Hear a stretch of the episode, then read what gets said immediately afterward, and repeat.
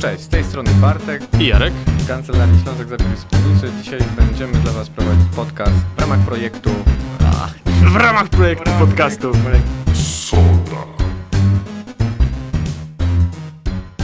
Dzień dobry, witamy. Z tej strony Bartek i Piotrek. e, z Kancelarii Ślązek Zapiór i Wspólnicy.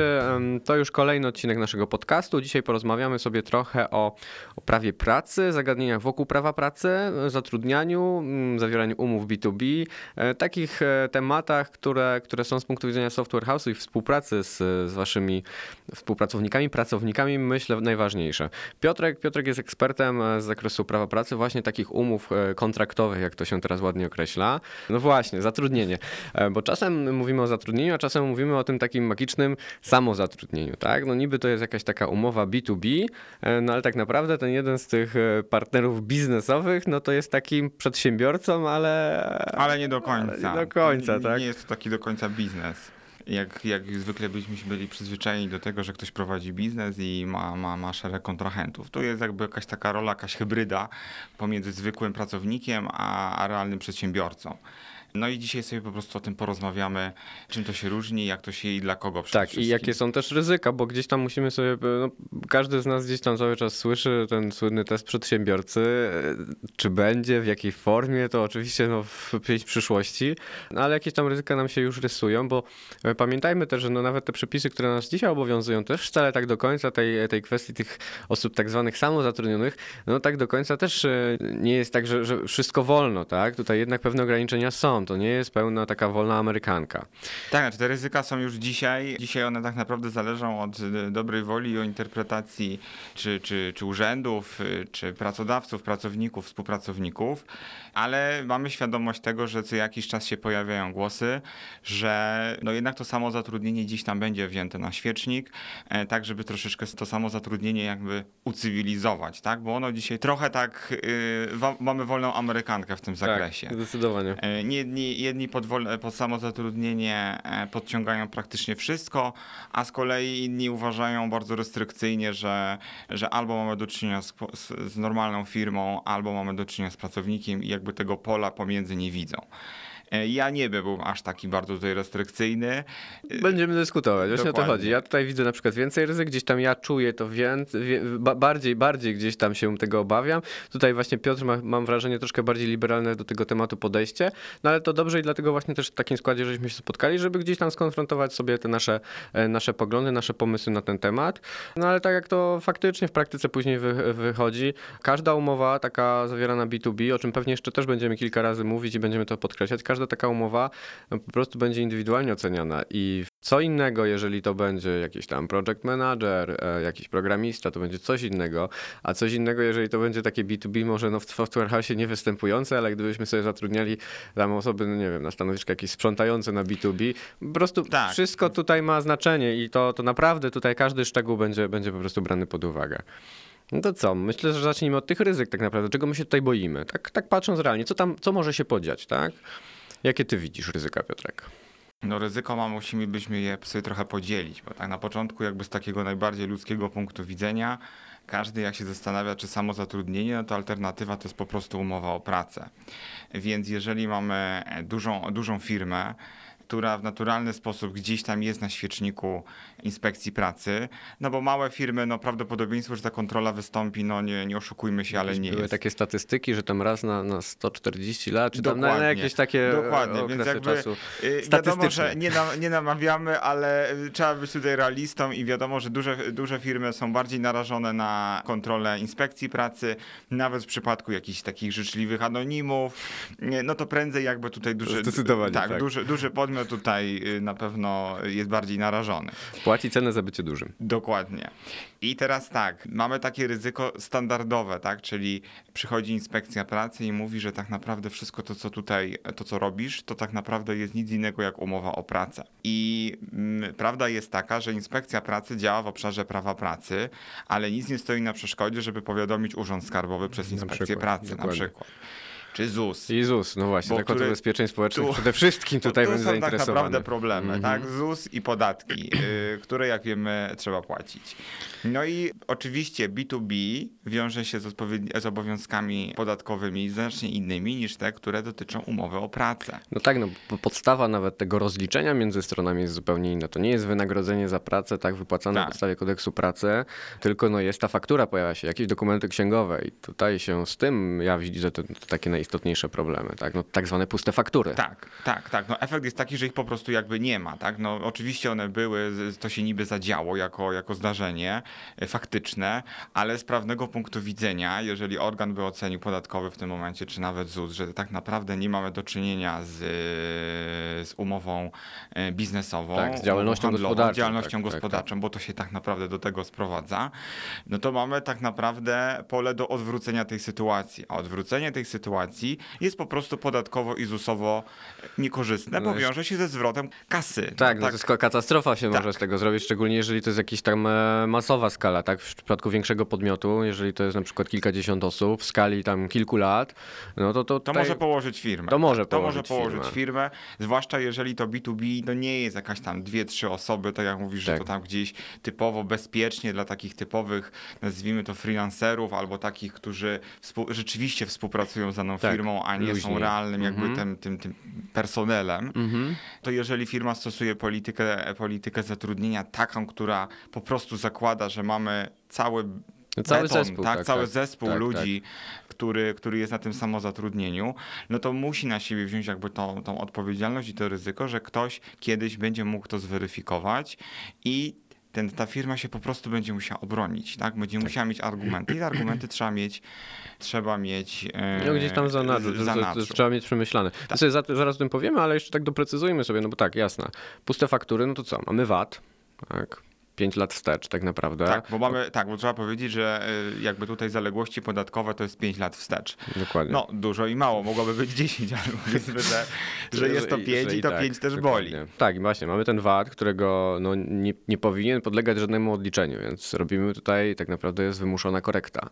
Korekta, no w skali, jeżeli to jest rzeczywiście duża skala, o której żeśmy sobie mówili, no to rzeczywiście te, te kwoty mogą, mogą porażać. No i przede wszystkim jest też kwestia tego, e, że są związane z tym rozliczenia w ogóle kosztów, tak, z tych faktur. Jak, to, jak to wszystko rozliczać. A, a z tym, co się wiąże, no ryzyka karno-skarbowe też, Tak. bo to nie tylko finansowe, ale też karno-skarbowe, o czym Tak, też musimy pamiętać. Tak, tak, tak, tak. No i co? No i ZUS, tak? No i ZUS analogiczna sytuacja, inaczej liczymy przecież ZUS od pracownika, a inaczej liczymy ZUS w B2B, no bo to są zupełnie, zupełnie inne formy. Tylko przy ZUS-ie jest o tyle jakby lepiej, znaczy lepiej dla, dla współpracownika, pra, pracownika, że tam płatnikiem jest, jest firma i ona tutaj duże, w dużej mierze poniesie jakby koszt tego, tej, tej, tego wyboru. Tak, znaczy, no dobrze, dobrze dla tego pracownika, współpracownika, tego kontrahenta naszego samozatrudnionego, no ale właśnie z punktu widzenia gdzieś tam zatrudniającego, tak, czy zlecającego te czynności, no to on jest na pierwszej linii strzału tutaj w tym, w tym przypadku, tak? Jeśli dobrze rozumiem. Tak, tak. Tym bardziej, że no, ja rozumiem, że często mamy konfigurację taką, że mamy duży podmiot i mamy kilku e, współpracowników, ale nieraz jest tak, że po prostu zakładamy sobie jakiś podmiot, jakąś spółeczkę, z która składa się z, z kilku, trzech, czterech kolegów, koleżanek i to ona jest jakby niby tutaj tym złym, ale tak naprawdę to jest jeden własny sos. Tak, i wtedy to trzeba troszeczkę sobie rozróżnić, że mamy konfigurację duży, małe, ale może być konfiguracja, że ten duży to tak naprawdę nic innego jak, jak My tylko w innej tylko formie, W innej formie, dokładnie. To jest normalne. To może się wydawać, że, y, że, że gdzieś tu jest jakaś kombinatoryka, ale nie. To jest normalny sposób prowadzenia biznesu, Tak. który nam daje, daje nam kodeks spółek handlowych, żebyśmy sobie wybrali taką formę, jaka nas po prostu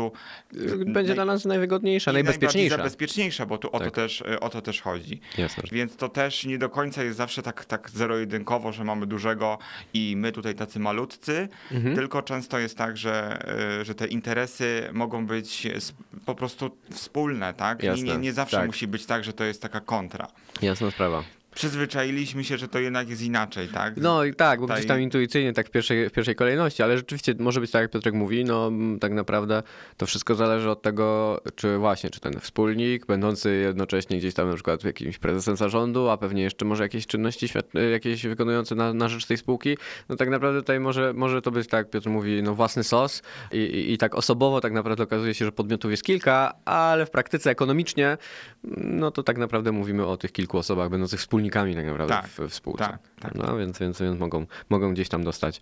e, Ale oczywiście jesteśmy przyzwyczajeni, może nie, nie, nie wszyscy, ale jakby pokłosie lat 90. i 2000, kiedy mm, jakby samo zatrudnienie było bardzo często wymuszane. Tak. Trzeba sobie to po prostu powiedzieć, że było to wymuszane przez wielu pracodawców dla takich jakby bezpieczniejszych gałęzi, tak, tak zwanych, czyli y, tam, gdzie jakby jakakolwiek samodzielność się pojawia, tam były już próby wymuszenia na Tak. całych No, partiach przedstawiciele pracowników, handlowi, tak, przedstawiciele tak. handlowi, mena, menadżerowie. tak, tak. Pewien gdzie- szczebel to już w tak. zasadzie było samozatrudnienie. samozatrudnienie i na zasadzie takiej niby sugestii, ale wiadomo było, że jeżeli tej, tej sugestii e, e, Nie posłuchamy, no to. no to jakby e, nie ma współpracy, tak? No gdzieś to były takie No takie zasady, realia. takie no teraz realia. faktycznie, teraz y, okazuje się, że w takich branżach jak IT wiemy sami, wiedzą Państwo najlepiej, że mm, tak naprawdę to, to, to ci pracownicy tak potencjalni, to oni sami chcą odejść sobie na samo zatrudnienie, no bo z tym się wiążą pewne preferencje. Jakby stąd też w ogóle zainteresowanie organów państwa e, tymi, e, tymi właśnie e, samozatrudnieniem, tym takim fikcyjnym, tak? Bo jeżeli takie zachodzi, no to stąd oni się tym interesują, no bo sami wiemy, jest możliwość wejścia na podatek liniowy, tak? Dla części pracowników czy tych współpracowników, no jest to istotna e, Tak, bo trzeba istotny pamiętać, element. że jak pewien próg jest przekroczony, to wtedy przechodzimy od razu na 32%, tak? Mówimy tam o 86 tysiącach złotych w skali roku dochodu. Tam potem przechodzimy na e, podatek e, 32%. Dokładnie, na ten drugi próg. Oczywiście to nie dotyczy większości, bo trzeba sobie też powiedzieć, że to, to, to jest znaczna mniejszość, ale dla których jest to jakby no niezwykle e, Dokładnie, istotny znaczy w branży IT element. najlepsi specjaliści no Zarabiają wiemy, znacznie więcej, tak? Nie Wiemy oszukujmy się. dokładnie, że dla nich to już jest atrakcyjne. Poza tym no, rozliczenie kosztów, tak, paliwo, nie paliwo, leasingi, no multum Tak. rzeczy, które rzeczywiście no, okazuje się, że są e, tak naprawdę z korzyścią dla tego, dla tego pracownika, współpracownika. Tylko też musimy sobie myślę tutaj podkreślić to, że to, że my jedni i drudzy chcemy, ale ukształtowaliśmy sobie ten nasz stosunek prawny no, w sposób nie do końca odpowiadający takiej rzeczywistej umowie handlowej, tak, między dwoma przedsiębiorcami, tylko tak naprawdę będącej kryptoumową o pracę, jeżeli mogę to tak nazwać, to to, że tutaj jakoś wolicjonalnie, że ja chciałem, Piotr chciał, no to to nie wystarczy, bo to też sobie musimy powiedzieć. I myślę, że Przejdźmy gdzieś tam w ogóle powoli do tego, jakby właśnie jak to ocenić, tak? Gdzie, gdzie, gdzie jest ta granica między właśnie umową o pracę, a taką umową B2B? Bo ja tutaj, no ja z tego co, co, co, co wiem, no to, to, to ta umowa, y, ustawa o podatku dochodowym od osób fizycznych tak naprawdę jest tym naszym głównym, w cudzysłowie, problemem, tak? W tym temacie. Bo my mamy tam Problemem, te pewne przesłanki. Nazwijmy to przewodnikiem, tak? Tak. Jak sobie Tak, tak, tak, oceniamy. dokładnie. To jakby no ona tutaj jest i pomocna, jednej, jednej strony jest pomocna, z drugiej strony przeszkadza, no bo te przesłanki, jak one wystąpią, no to po prostu najzwyczajniej w świecie nie będzie to działalność gospodarcza, a o to tak naprawdę my się O to tutaj tak. spieramy, czy, czy o to tak naprawdę chodzi i to ustalamy. Y, I trzeba sobie chyba na dzień dobry e, taki test po prostu przeprowadzić. Taki test przedsiębiorcy we własnym zakresie Dokładnie. sobie. Mhm. Dokładnie tak, dlatego że jeżeli sami sobie zrobimy ten test, to potem jak y, ktokolwiek przyjdzie na tak zwaną kontrolę, Mhm. to ten test po prostu zrobimy drugi raz i nas już nic nie zaskoczy. Dokładnie, Przynajmniej dokładnie nie tak. powinno. I, I co? Mamy trzy przesłanki, tak? Tak. Trzy przesłanki, które muszą być spełnione łącznie, byśmy w toku kontroli rzeczywiście wykazali, że ten ktoś nie jest przedsiębiorcą, tak? Tak. Jeżeli, jeżeli występuje jedna przesłanka, to nadal jest biznes, tak? To Tak. nadal jest działalność gospodarcza. Dwie przesłanki tak samo. Dopiero jeżeli by się spełniły nam trzy przesłanki, takie negatywne, no to wtedy możemy powiedzieć, że rzeczywiście jesteśmy w tym grupie ryzyka, tak jak to Tak. się ładnie mówi, że jest szansa, że jeżeli kontrol przyjdzie, no to po prostu nam powie, że mm, to nie jest biznes, to nie jest e, umowa B2B, tak naprawdę jest to jakaś forma umowy o pracę, no i wiążą się z tym konsekwencje, o których żeśmy sobie powiedzieli. No i co? No i po pierwsze, no to to jest właśnie, to tutaj ustawa w artykule 5b ustawy o podatku dochodowym od osób fizycznych, czyli ustawy o PIT, jak to tak sobie w skrócie ujmujemy, to jest ta odpowiedzialność osób, wobec osób trzecich, tej osoby, która zleca wykonanie tych czynności, tak, które są zlecone w ramach umowy B2B. To znaczy w sytuacji, w której mamy software house, który zleca jakieś czynności e, do wykonania na przykład swojemu programiście, tak? Tam, samozatrudnionemu, to tak naprawdę to ten software house będzie odpowiadał wobec klienta końcowego. No i tu właśnie pojawia się ten, to spełnienie tej przesłanki. No ona będzie trudna tutaj. To będzie trudne. Ono Tutaj będzie no, nie ukrywajmy się, tutaj To jest, to jest przepis jakby zarezerwowany przede wszystkim do takich klasycznych wolnych zawodów. Tam, gdzie mamy tak zwaną odpowiedzialność zawodową, gdzie niezależnie od tego, gdzie się pracuje, dla kogo albo z kim się współpracuje, to jest taka ustawowa e, zasada odpowiedzialności takiej indywidualnej. Tak. I tam rzeczywiście w przypadku lekarza, prawnika, Tak jest. tam jest taka zasada po prostu, że niezależnie kto cię zatrudnia, ty i tak odpowiadasz przed tym, Przed kli- klientem, dla którym końcowym, faktycznie, tak. faktycznie ten, kto korzysta z usługi. usługi, dokładnie.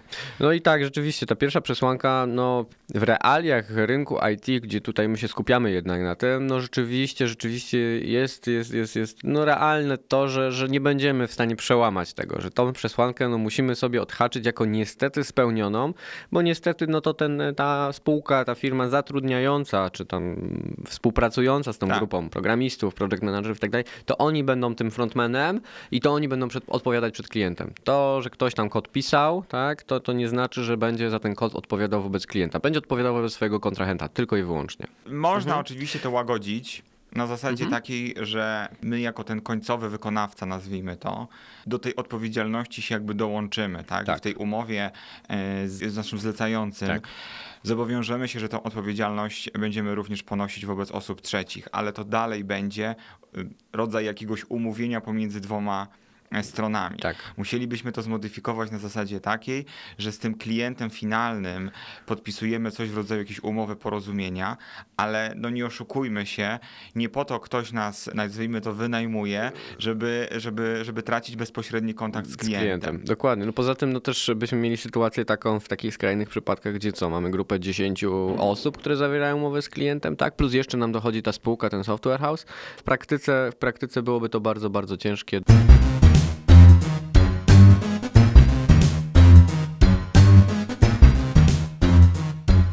Powiedzieliśmy sobie zatem o tej przesłance e, pierwszej, tak, która no niestety Trudnej, trudnej, trudnej. trudnej, żebyśmy się gdzieś tutaj z tego wybronili, to odpowiedzialność wobec osób trzecich, tego zlecającego czynności w, tej, w tym stosunku B2B. Tak. Ale już te dwie kolejne przesłanki rzeczywiście, to nawet ja tutaj powiem, e, można próbować jakoś łagodzić, tak, E, jakoś, jakoś, jakoś podejść do tego rozsądnie i tutaj bardzo dużo będzie zależeć od umowy. I co? I drugą przesłanką no jest właśnie kwestia tego, że te czynności no nie mogą być wykonywane pod kierownictwem i w czasie, w miejscu wyznaczonym przez tego zlecającego. Tak. Czyli żebyśmy nie mieli takiej no, sytuacji, gdzie to rzeczywiście no, jest ten szef. podporządkowania, Tak. tego takiego klasycznego podporządkowania i to jest chyba najłatwiejsza przesłanka. Taką, Tak, tutaj rzeczywiście można- najwięcej możemy podziałać i zadbać o to, żeby zarówno umowa dobrze wyglądała, ale też żeby to faktycznie dobrze wyglądało. Bo trzeba sobie odpowiedzieć na, na pytanie potencjalnego kontrolującego, który owszem zobaczy umowę, ale on zada pytania. Co pan robił, jak pan robił, gdzie pan robił i on zada pytania zarówno Jednej i naszemu, drugiej naszemu stronie, tak. współpracownikowi i, i, i temu nazwijmy to... A wręcz mógłby nawet i chcieć przesłuchać sobie świadków, jakby mu to do głowy przyszło, tak? No Dokładnie, bo możliwości dokładnie takie są. tak. Tak? W praktyce jak to będzie wyglądać, to różnie oczywiście bywa, ale możliwości takie prawo daje kontrolującym. Tak, zatem y, fajnie, że umowa ma ręce i nogi i zawiera wszystko to, co na czym zależy, ale istotne jest to, żeby zadbać, żeby faktycznie tej, e, tego podporządkowania i tego kierownictwa nie było. To nie oznacza, że y, nie może być wyznaczonego jakiegoś celu, e, kierunku działania, bo tutaj Mhm. nie o to chodzi. Chodzi o to, żeby nie było sytuacji w takiej, w której ktoś się zgłasza rano do pracy, dostaje listę zadań i musi je wykonać i spowiada się z każdej, z każdej bądź tam z każdej ważniejszej czynności. Nie o to tutaj chodzi, bo jeżeli mamy zadanie, które polega na tym, że trzeba zrealizować jakiś projekt, trzeba e, napisać jakiś program, to jest zadanie w miarę kompleksowe. I Jeżeli w ramach tego zadania mamy zapewnioną dowolność, jakiś rodzaj autonomii, dobrania sobie jeszcze ludzi, współpracowników, Dokładnie. to wtedy tego klasycznego działania pod kierownictwem w miejscu i czasie wyznaczonym wydaje mi się, że nie ma. będzie, bo ja dokładnie. tutaj jakby bardziej Mhm. liberalnie do tego podchodzę. Jasne, jasne. Ym, Zakładam, że jeżeli jesteśmy w takim idealnym świecie, to B2B jest wyborem. Tak. Więc jeżeli mamy możliwość wyboru i ukształtowania tego, tej naszej relacji z y, zatrudniającym, nazwijmy to tak, no to czemu nie, tak? Oczywiście umowa o pracę nie, nie musi się jakby w, w pełni wykluczać, tak? Bo pewne czynności mogą być zarówno realizowane na podstawie umowy o pracę, gdzie tego podporządkowania aż też takiego silnego nie musi być, ale też może być to realizowane w realiach B2B, dlatego że właśnie te przesłanki do tego, żeby działać w sposób taki bardzo dowolny, czyli w, nie ma takiej sytuacji, w której w pewnym momencie przychodzi szef i mówi stop, ja to zatrzymuję, odbieram. Bo to się Dokładnie. tak naprawdę różni, bo często w umowie o pracę jest tak, że niby mamy tą wolność, ale w każdej chwili trzeba się liczyć z tym, że przychodzi szef, to ucina, zabiera, y, koniec, kropka. Tak, Tak, przekazuje I on dalej, przekazuje dalej i nie ma z tym dyskusji. Natomiast przy B2B jest trochę inaczej z założenia, że po prostu mamy do zrealizowania jakiś cel Tak, i z niego się rozliczamy. dokładnie. To jest ta- On jest dobrze, ta- źle zrobiony. I tyle, tak? Dokładnie. Albo, y, i, albo będzie wynagrodzenie w pełni, albo gdzieś tam będą do niego zastrzeżenia i, i, i będzie będzie gdzieś tam przycinane, ale to jest jakby inna para kaloszy.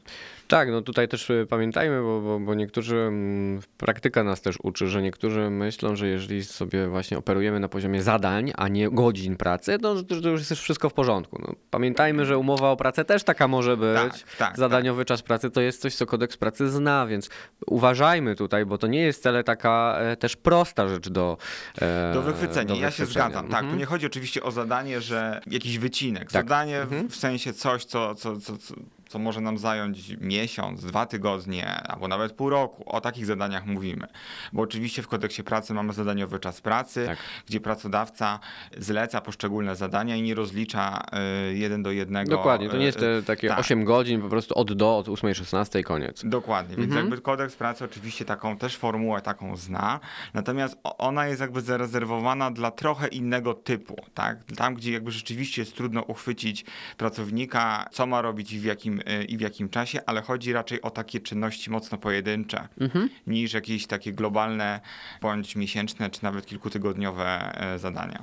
Jasna sprawa. No, tym bardziej właśnie tutaj zachęcamy w tym kontekście, jeszcze tak e, przypomnę, jesteśmy na Slacku też obecni i jakby myślę, że te, te, te rzeczy, o których dzisiaj rozmawiamy, to są rzeczy, o których e, my chętnie również z wami na Slacku porozmawiamy, bo, bo jak sami słyszycie, to nie jest takie mm, zero-jedynkowe, to nie jest takie oczywiste, tak gdzieś tam, co chcemy cały czas podkreślać, każda taka umowa, każdy taki stosunek prawny e, będzie musiał być oceniany indywidualnie, bo, bo, bo, bo niestety no nie ma tutaj jakichś generalnych zasad, które byśmy mogli e, przedstawić. Oczywiście będziemy starać się jeszcze tam w dalszej części o tym powiedzieć, ale, ale sami widzicie już tutaj ta pierwsza przesłanka, którą my oceniamy obaj tak jako tą najłatwiejszą do, do, do przejścia, tak, pozytywnego, no to nawet tutaj to wcale nie jest takie, takie proste, tak, to, to musimy się jednak zawsze nad tym zastanowić. Tak, tutaj chcemy jakby wyczulić, bo tu głównie o to chodzi, żeby y, wyczulić, żeby ktoś po prostu zastanawiając się nad tym, czy to jest dla mnie, czy to nie jest dla mnie, miał świadomość tego, że muszę po prostu siąść, zastanowić się i rozważyć, a nie, że albo tak, albo nie. Jak to często z umowami bywa, nie oszukujmy się. Dokładnie. Ale umowy, zwłaszcza różne telekomy i tak dalej, polegają na tym, że się te umowy podpisuje. Panie, chcesz pan, czy pan nie chcesz? Po prostu. Dokładnie. Więc no, y, ja mam świadomość tego, że nie do końca tak jest z tym czytaniem umów, ale tutaj y, wiążemy się najczęściej trochę na dłużej i więcej od nas zależy, Tak, bo jest- tam, gdzie nie mamy wpływu, tam trochę odpuszczamy. No nie ma się Dokładnie, czarować. dokładnie. No też inny jest, nazwijmy to, jakiś bagaż emocjonalny związany z, nazwijmy to, jakąkolwiek formą współpracy quasi zatrudnieniowej, zatrudnieniowej, a jednak podpisany te umowy na internet, no Dokładnie. Tak. jakoś bym to przeżył, tak, że mnie tam jedni czy drudzy, powiedzmy, nie do końca tak, e, tak potraktowali, jakbym sobie życzył, po prostu przy następnej okazji tego operatora sobie zmienię. Ale mamy jeszcze trzecią przesłankę, o, którą, o której też nie możemy zapomnieć, to jest właśnie ta przesłanka taka ponoszenia czy nieponoszenia ryzyka gospodarczego przez tą osobę zatrudnioną na formie B2B, tak? Czy ona rzeczywiście, jako prowadzący działalność gospodarczą, której częścią jest to, że jest jakieś ryzyko gospodarcze, tak? No bo co to za działalność gospodarcza, gdzie wszystko jest pewne, znaczy wymarzona tak, naprawdę, Tak, ale właśnie. No nie jest też. To nie jest właśnie działalność gospodarcza. No w działalność gospodarczą mamy wpisane to ryzyko. Tak. Nawet jeżeli ono jest zminimalizowane, ale ono jest zminimalizowane, zminimalizowane dzięki nam. Natomiast y, nie może być jakimś takim absolutem, tak? No, Doku- dokładnie, także no, czy się stoi, czy się leży, tak? No, Troszkę gdzieś tam parafrazując, ale, ale właśnie o to chodzi, bo e, no i tutaj myślę, że będziemy mieli taką rozbieżność poglądów, a przynajmniej Mhm. tak mi się wydaje, na ile gdzieś tam kiedyś z Piotrem też o tym rozmawiałem, e, no bo są takie argumenty, nie wiem, czy ci nie, nie wyciągam go z ust, tak, no ale no przecież zawsze może być rozwiązana ta umowa, no, jeżeli mamy współpracownika na B2B z jakąś spółką na przykład, tak, i Mhm. on współpracuje tylko z tą spółką, no przecież ryzyko gospodarcze zawsze jest, no bo może być ta, rozmowa, ta umowa e, rozwiązana. Ja jednak gdzieś tam też patrząc w komentarze w orzecznictwo widzę, że, że jednak tendencja jest do tego, żeby, żeby przyjąć, że to, że, że umowa może być jedna, jedyna, która jest warta rozwiązana, to to ryzyko gospodarcze nie jest. No tak samo umowa, umowa o pracę też może być rozwiązana. Tak, no tutaj się zgadzam, bo argument no, w porównaniu do umowy o pracę jest, yy, no, jest słaby, tak? No bo umowa o pracę, tak jak mówisz, może być rozwiązana w każdym czasie. Oczywiście przy uwzględnieniu Wszystkich tych wszystkich warunków, tych tak, warunków tak, tak. przesłanek i tak dalej. Wiadomo, że jest ją trudniej najczęściej Mhm. rozwiązać niż umowę B2B. Tu jakimś argumentem mogłaby być ta potencjalna łatwość, ale nic Mhm. nie stoi na przeszkodzie, żeby umowę też B2B dobrze obwarować, żeby Tak. to, żeby to Dawała wyjście, pewność. Tak, żeby to wyjście Mhm. też nie było do końca takie, e, takie proste. Natomiast z tym ryzykiem gospodarczym e, myślę, że można bardziej pokombinować niż z tą przesłanką pierwszą, o której, Mhm. o której sobie Nie, mówiliśmy. zdecydowanie, zdecydowanie. Bo po pierwsze możemy zadbać o to, żeby jednak tym, żeby gdzieś tego jeszcze innego, drugiego, trzeciego klienta gdzieś mieć. Tak. Tak. I to już nam tę sytuację bardzo zmienia, tak? Bo to rzeczywiście mamy współpracow- współpracownika, takiego free- freelancera tak naprawdę, Tak. który raz współdziała tutaj przy jakimś projekcie, jednocześnie na przykład realizuje drugi projekt i to już nam się sytuacja zmienia. Oczywiście tutaj się pojawią kwestie zakazów konkurencji, które mogą nam to utrudnić. Tak. Tak, ale, ale potencjalnie możliwość jest. Tak, natomiast gdzieś argumentem zaś przemawiającym, że, że tą, tą, tą przesłankę moglibyśmy e, obalić jest taka, że umowa o pracę przewiduje coś takiego, że odpowiedzialność pracownika jest co do zasady do, do trzech miesięcy, do wynagrodzenia Tak. za trzy miesiące. W przypadku B2B takiego ograniczenia nie ma i rzeczywiście istnieją instrumenty prawne, żeby do tego, nazwijmy to, podwykonawcy też się dobrać. Oczywiście. Więc jakby można też powiedzieć, że skoro są ustawowe przesłanki do tego, żeby do podwykonawcy się dobrać, no to jednak to ryzyko gdzieś tam jest ponoszone. Nie ma w przypadku pracownika, ten pracownik ma trochę święty spokój, tak? On Tak. może powiedzieć, że ja tutaj w żaden sposób nie zawiniłem. Przecież trzy miesiące wynagrodzenie, no to może jest i dużo, ale, Ale nie, znowu nie jest nie rujnuje. bardzo dużo. Samochodu domu mi nie zabiorą, więc w Dokładnie. sumie jest ok. I tego rzeczywiście ryzyka no nie ma za bardzo Mhm. w przypadku pracownika jako konstrukcja. W przypadku B2B, no jak nie do końca się powiedzie, no to jednak można wiele stracić. No tak, w tym łańcuszku takim, tym łańcuszku takim, który, tak? który nastąpi. Bo Więc- bezpośrednio, no bo to, co sobie mówiliśmy o tej pierwszej przesłance, bezpośrednio może przed klientem nie, no ale ten już nasz kontrahent, ten, ten quasi pracodawca, no już, już jakby bez, bez umiaru może czerpać z Tak, może majątku. czerpać regres peł, pełną, e, pełną parą Mhm. Y, i gdzieś to ryzyko jednak gospodarcze istnieje. Oczywiście znacznie w węższym zakresie niż przy takim klasycznym e, biznesie, ale, ale jest i wrazem jakby z tą przesłanką numer dwa, a właściwie brakiem spełnienia tej Mhm. przesłanki, tworzy nam całkiem sensowną argumentację. Ale to się wszystko sprowadza do tego, żeby ta umowa plus te relacje rzeczywiście temu odpowiadały. Bo sama, sama jakby, sam papier, wiem, że papier wiele zniesie, Och, tam wszystko można, można zapisać ale, nawet, ale że... nie, y, nie wszystko załatwi. No właśnie, bo pamiętajmy, to, to, to jest co ważne, co Piotr wcześniej też mówił, że e, jedną rzeczą to jest to, co będziemy mieli w umowie na papierze, a druga rzecz to jak to naprawdę funkcjonuje. Pamiętajcie Państwo, no to nie jest e, do końca tak, że, że ten kontrolujący przyjdzie, spojrzy w papiery i wszystko fajnie, E, no tylko no to też e, no nie są to głupi ludzie, tak? To są ludzie, którzy jednak e, są... Całe życie to robią. Całe życie to robią i oni robią, znają takie triki, no, no mówmy się, tam y, to, to nie jest ich pierwsza kontrola i nie pierwsze, nie pierwsze rodeo, jak to mówią, tak? E, Nie pierwszy raz widzą, widzą tego typu umowy, z wieloma, z wieloma na pewno się już zetknęli, pewne rzeczy po prostu już widzieli, pewne triki już znają, Myśl, mimo że my możemy myśleć, że żeśmy tutaj odkryli naprawdę Amerykę i super mamy taki sposób, że to po prostu jest nie do wzięcia, no a tutaj może paść jedno pytanie, które po prostu e, no, skasuje temat i, i dlatego to jest bardzo, bardzo e, rzecz, którą, z którą trzeba po prostu uważać. Tak? No, czy bylibyśmy w stanie tutaj jakby tak syntetycznie e, podsumować sobie to i jakby wskazać na takie najważniejsze powiedzmy elementy umowy, które byśmy mogli wprowadzić do niej, które i w ogóle do tego stosunku prawnego, żebyśmy rzeczywiście mówili o B2B. Czy jakoś tak sobie, czy właśnie porównali B2B z umową o pracę. Mhm. Znaczy, pewien to jest standard i, i, i nieraz, to, nieraz to pewnie słyszeliście, żeby unikać klasycznych postanowień umowy o pracę. No to się tak, tak, tak się mówi, tak? Ale tak naprawdę co to. Co, oznacza? co to oznacza, dokładnie. No i oczywiście to, co jest charakterystyczne dla umowy o pracę, to jest właśnie to podporządkowanie. Mamy tego szefa, mamy te godziny, mamy ten cza- harmonogram, tak, że czas. w biurze będziesz od godziny do miejsce, godziny, tak, tak, z dokładnie. przerwą na lunch. Tak. No. To są rzeczy, które zawsze można e, domówić i pewnego dnia można przyjść, mówimy o B2B, e, później, wcześniej. To jest normalne, że my na jakieś godziny się musimy umówić. Oczywiście, no. Bo to- nie, że będzie ktoś mi przychodził o trzeciej w nocy tam i... Dokładnie. Tylko, że ten czas świadczenia usług, bo to już wtedy musimy trochę przejść na taką nomenklaturę. Tak, tak, żeby się nie zapomnieć. Żeby się nie zapomnieć.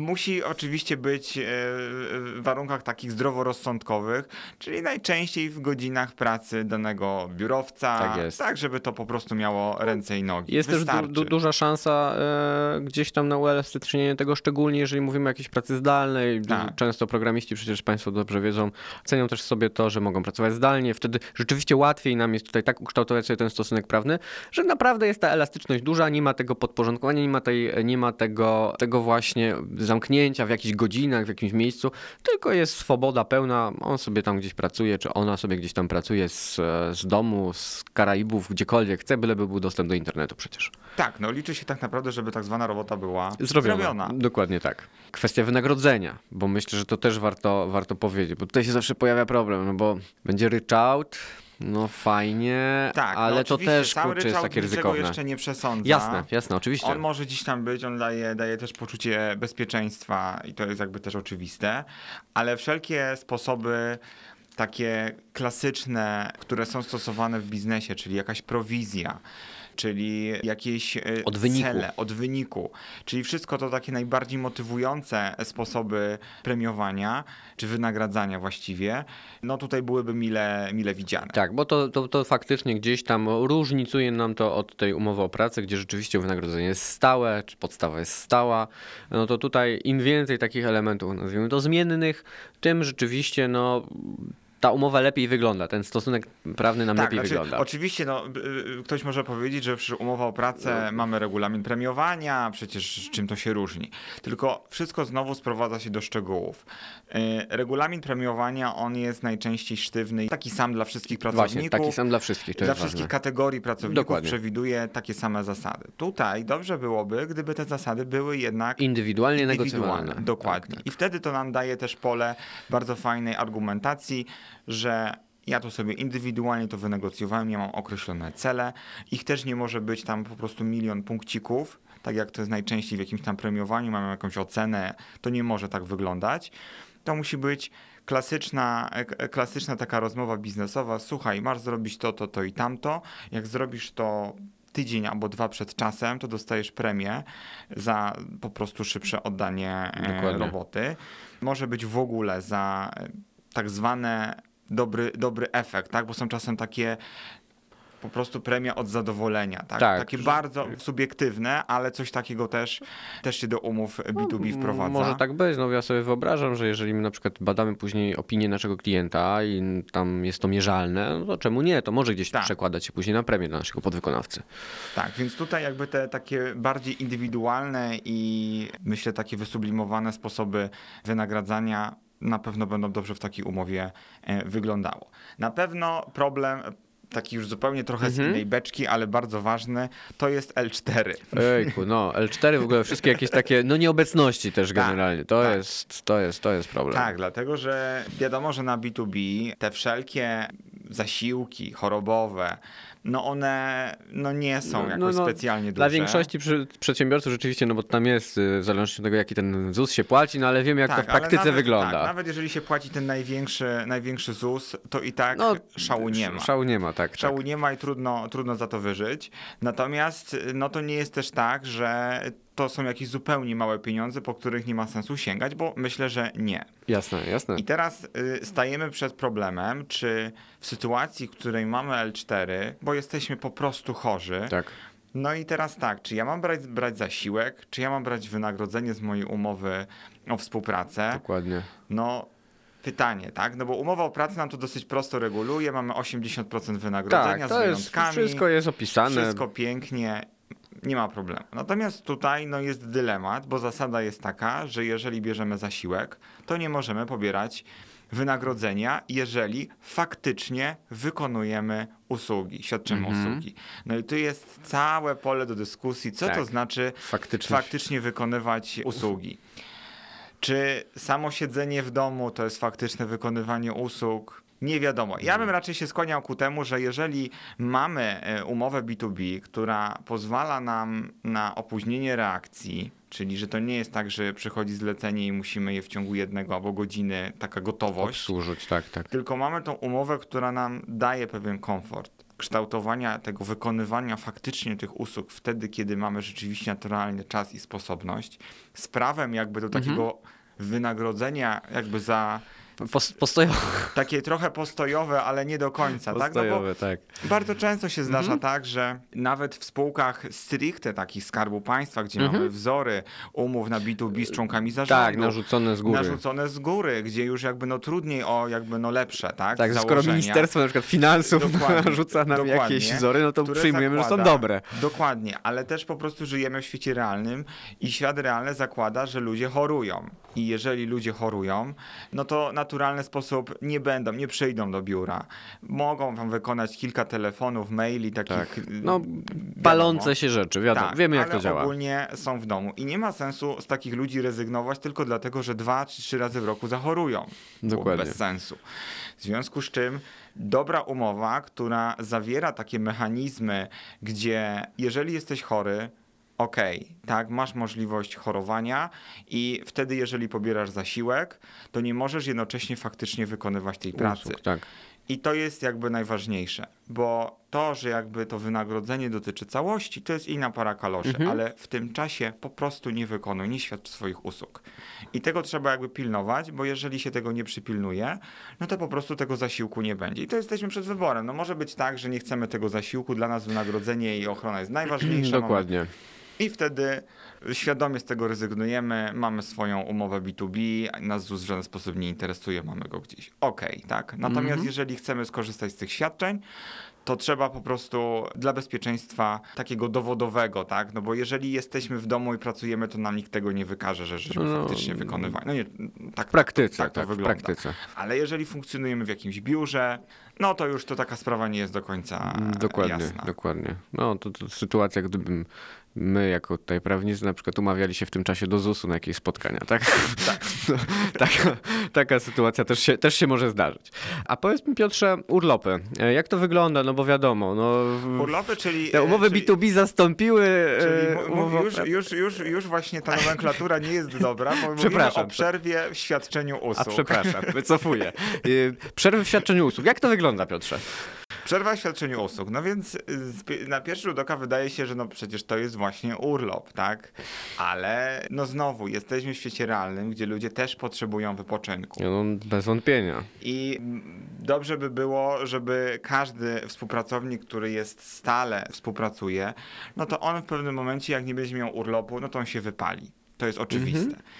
I teraz te umowy B2B bardzo często zawierają postanowienia no praktycznie przypisane z umowy o pracę, że ci przysługuje Tak. prawo do przerwy właśnie w świadczeniu często usług nawet ten wymiar jest. d- 26 dni z prawem do wynagrodzenia.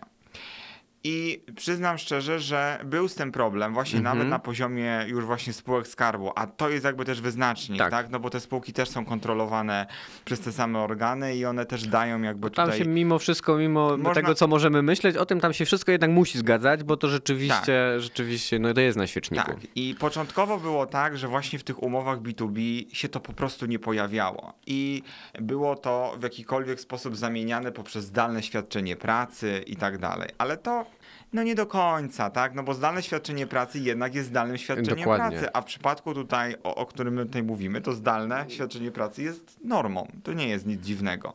W przypadku prezesa może nie, ale w przypadku naszego tego klasycznego e, Programisty tak, na przykład, programisty, tak, no to tutaj to jest, Jest to- normalne. jest to normalne, to nie jest nic normalne. nadzwyczajnego, Dokładnie. jasne, na Więc zdalne świadczenie pracy nie załatwi tematu y, urlopu. tym bardziej, że ten ktoś mógłby sobie pomyśleć, tak, no jakie tutaj zdalne świadczenie pracy, ja lecę na wakacje, tak, mnie nie ma. Mnie nie ma. Offline, zupełnie offline i no też jesteśmy sobie w stanie wyobrazić taką sytuację, no nie, wpiszcie mi w umowę tak, żebym ja to miał zagwarantowane, a nie na zasadzie teraz się dogadujemy i tutaj powiedzmy na Mhm. gębę, a potem jak przyjdzie co do czego, to ty mi zadzwonisz i ja Tak. będę musiał siedzieć. Tak, tak.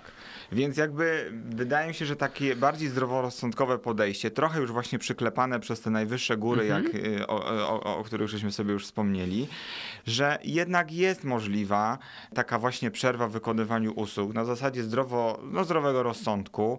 E, oczywiście w tej umowie można wpisać, że w sytuacjach nagłych, Mhm. że mm, strony po prostu się dogadają co do co do tego, żeby ten termin po prostu zmienić, żeby to było bardziej elastyczne niż takie prawo do urlopu pracownika, które jest, ale jednak taka przerwa w świadczeniu usług z prawem do wynagrodzenia, ona najbardziej przypomina urlop. Teoretycznie można się umówić, że bez prawa do wynagrodzenia, a to wynagrodzenie gdzieś tam e, w, w obszarze jakiejś premii, e, w, Dokładnie. zupełnie w innych obszarach, ale nie pracujesz, masz do tego prawo Tak, i nie no. dostajesz za to Znaczy, to by wynagrodzenia. było takie rzeczywiście jest idealne. tak. idealna sytuacja, no tylko pytanie, czy ten nasz kontrahent y, by na to był skłonny pójść. Znaczy, jestem w stanie sobie wyobrazić takie sytuacje, bo jeżeli rzeczywiście my na przykład mamy takiego kontrahenta, który się rozlicza od projektu do projektu, ale to w ogóle wtedy myślę, że nie ma wątpliwości, że Tak. to jest B2B, bo to jest tak, on realizuje projekt, kończy go i na przykład wtedy po prostu tak jesteśmy dogadani. Odpoczywa. On ma dwa tygodnie, my po prostu nie angażujemy go w żaden Tak. inny projekt przez kolejne na przykład dwa tygodnie i co najmniej trzy takie na przykład okresy w ciągu roku sobie wyznaczamy, że, że i to jest nasza zasada, tak, że jest ta przerwa między jednym a drugim projektem. E, no ale to wtedy w ogóle, jeżeli mamy kogoś, kto typowo projektowo pracuje w jednym, drugim, trzecim, to są to jakby jakoś tam zamknięte klamry, to myślę, że też łatwiej w ogóle e, o tym B2B tutaj sobie e, mówić. Tak, ale przy takim w miarę ciągłym świadczeniu usług, no to jest to znacznie trudniejsze i na pewno bezpieczniej jest mieć takie prawo do wypoczynku, nazwijmy to, bez wynagrodzenia i Dokładnie. bierzemy na siebie to ryzyko, że ja przez proporcjonalnie, nie wiem, tydzień nie pracuję, dwa tygodnie nie pracuję, więc ja proporcjonalnie nie biorę albo po prostu projektowo jak się rozliczam, to po prostu nie dostaję za to kasy i wtedy ja jestem w stanie to obronić, tak, że no nie przypomina mi to umowę o pracę, bo to jest zupełnie co innego ale w umowach B2B bardzo często jednak się pojawia, pojawia się ten Mhm. element właśnie prawa do wypoczynku z tym wynagrodzeniem i gdzieś jest to akceptowane, bo, bo jeżeli te pozostałe kwestie wyglądają dobrze, to to nam To nie przesądzi. nie jest to tak, nie jest to taki element, decydujące. który dokładnie, nie jest to decydujące. zabije cały temat. Dokładnie. Tym bardziej, że był wcześniej jakby próbowano to zasypać jakimiś sztucznymi konstrukcjami zdalnej pracy, ale ta sztuczność zawsze wyjdzie. i- Wychodzi, bo to i, I to jest chyba jeszcze gorsze niż takie zdrowo-rozsądkowe podejście do tematu. Mhm. Jasne. No oczywiście możemy przewidzieć tam, że tam jest 28 dni, że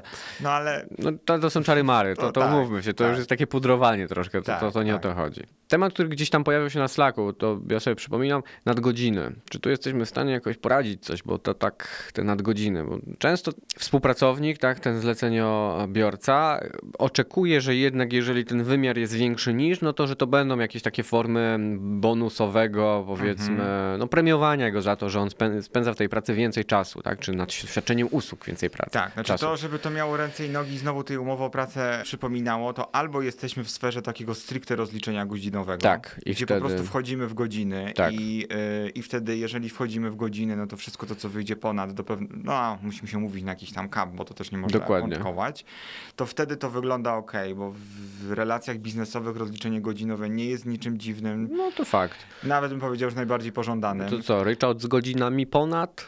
To jest jakieś wyjście? W sensie z godzi- ryczałt i godzinówka ryczałt, ponad. tak, ale ten ryczałt musi być, musi być gdzieś też godzinowo uzasadniony. On nie może być jakiś totalnie w oderwaniu. Mhm. Znaczy, no tak sobie myślę, no bo to tak myślę, że najczęściej też to tak wygląda, tak, że umawiamy się na jakąś tam pulę godzin, która jest w ryczałcie, tak, Tak, no, tak, która tak, tak. odpowiada pewnie tym 8 godzinom dziennie średnio i potem godzinówka według tej stawki w cudzysłowie nadgodzinowej ponad. Czy to da, da nam radę, czy, czy to... Tak jak mówię, indywidualnie, Mhm. ale jeżeli byśmy weszli w samą godzinówkę od, od początku, to lepiej to na pewno wygląda niż Jasne. ryczałt plus nadgodziny, bo Jasne. ryczałt plus nadgodziny e, no, bardzo przypomina sytuację y, wynagrodzenia zasadniczego Mhm. i, i nadgodzin. I nadgodzin. I też bym powiedział, że to nie przesądzi, nie rozwali Mhm. nam tej umowy po, jak pojedynczo, Tak, ale, ale stanowi ten z ten elementów, punkcik tak. i, ten, i może być efekt kuli śnieżnej. Tak. Tu urlop, Tu to e, wynagrodzenie. tu to, Tak, tu tamto tak, i to tak, razem no nie daje dobrego obrazu. Jeżeli to gdzieś tam jest jeden z elementów, to bym tego nie, nie To się, tak, na bo tego. to się gdzieś tam też rozmyje i wiadomo, no charakter taki przeważający, jaki będzie, to będzie oceniane. No to okej, tak podsumowując, na pewno trzeba pamiętać też, e, co też trzeba powiedzieć, że w przypadku właśnie tego, tych umów o pracę, umów B2B, y, no żebyśmy też nie dopuszczali do takiej sytuacji, że ktoś, kto wykonuje nam cały czas te same usługi, że nam przechodzi z umowy o pracę na B2B, no bo to jest już podejrzane. To, to nie wygląda dobrze. Tak. To, to jest jeden z elementów. No i drugi element, który też myślę, że warto gdzieś podkreślić, że mamy osoby, które wykonują też same czynności, tylko tutaj połowa siedzi na B2B, tak, jest przedsiębiorcami, a połowa robiąc dokładnie to samo, w tym samym zespole często, są zatrudnieni na umowę o pracę. Także Tak. takie no, różnicowanie to też źle wygląda. Tak, albo nawet różnicowanie takie, że w, w tygodniu pracujemy na umowie o pracę, a w weekend, e, Tak. a w weekend na samozatrudnieniu. No to to już jakby odradzamy z automatu. Tak, Ale takie- wiemy, że takie rzeczy też, e, też gdzieś tam. E, No, pff, się- przyroda się- zna takie stany. Tak, tak. Więc tu bym, to, e, tu bym to na pewno odradzał. Ale to są takie niby oczywistości, ale potrafią się pojawić. potrafią się pojawić. No, nie wymyśliliśmy sobie tego, tak? To nie jest, nie jest tak, że żeśmy sobie to wymyślili. Okej, Piotrze, dziękuję Ci za pierwszą część. W drugiej części porozmawiamy sobie o zakazie konkurencji, o, o umowach o zakazie konkurencji, o klauzulach dotyczących tego. Porozmawiamy o tym, e, jaki zakres, jakie są standardy tych umów, jak to wygląda po zakończeniu współpracy. No, takich rzeczach praktycznych, myślę, dla każdego ważnych, w każdej branży, niezależnie, czy to będą właśnie software house, tak jak w Państwa przypadku, czy też tak naprawdę będzie to każda inna branża. Także dzięki za pierwszą część.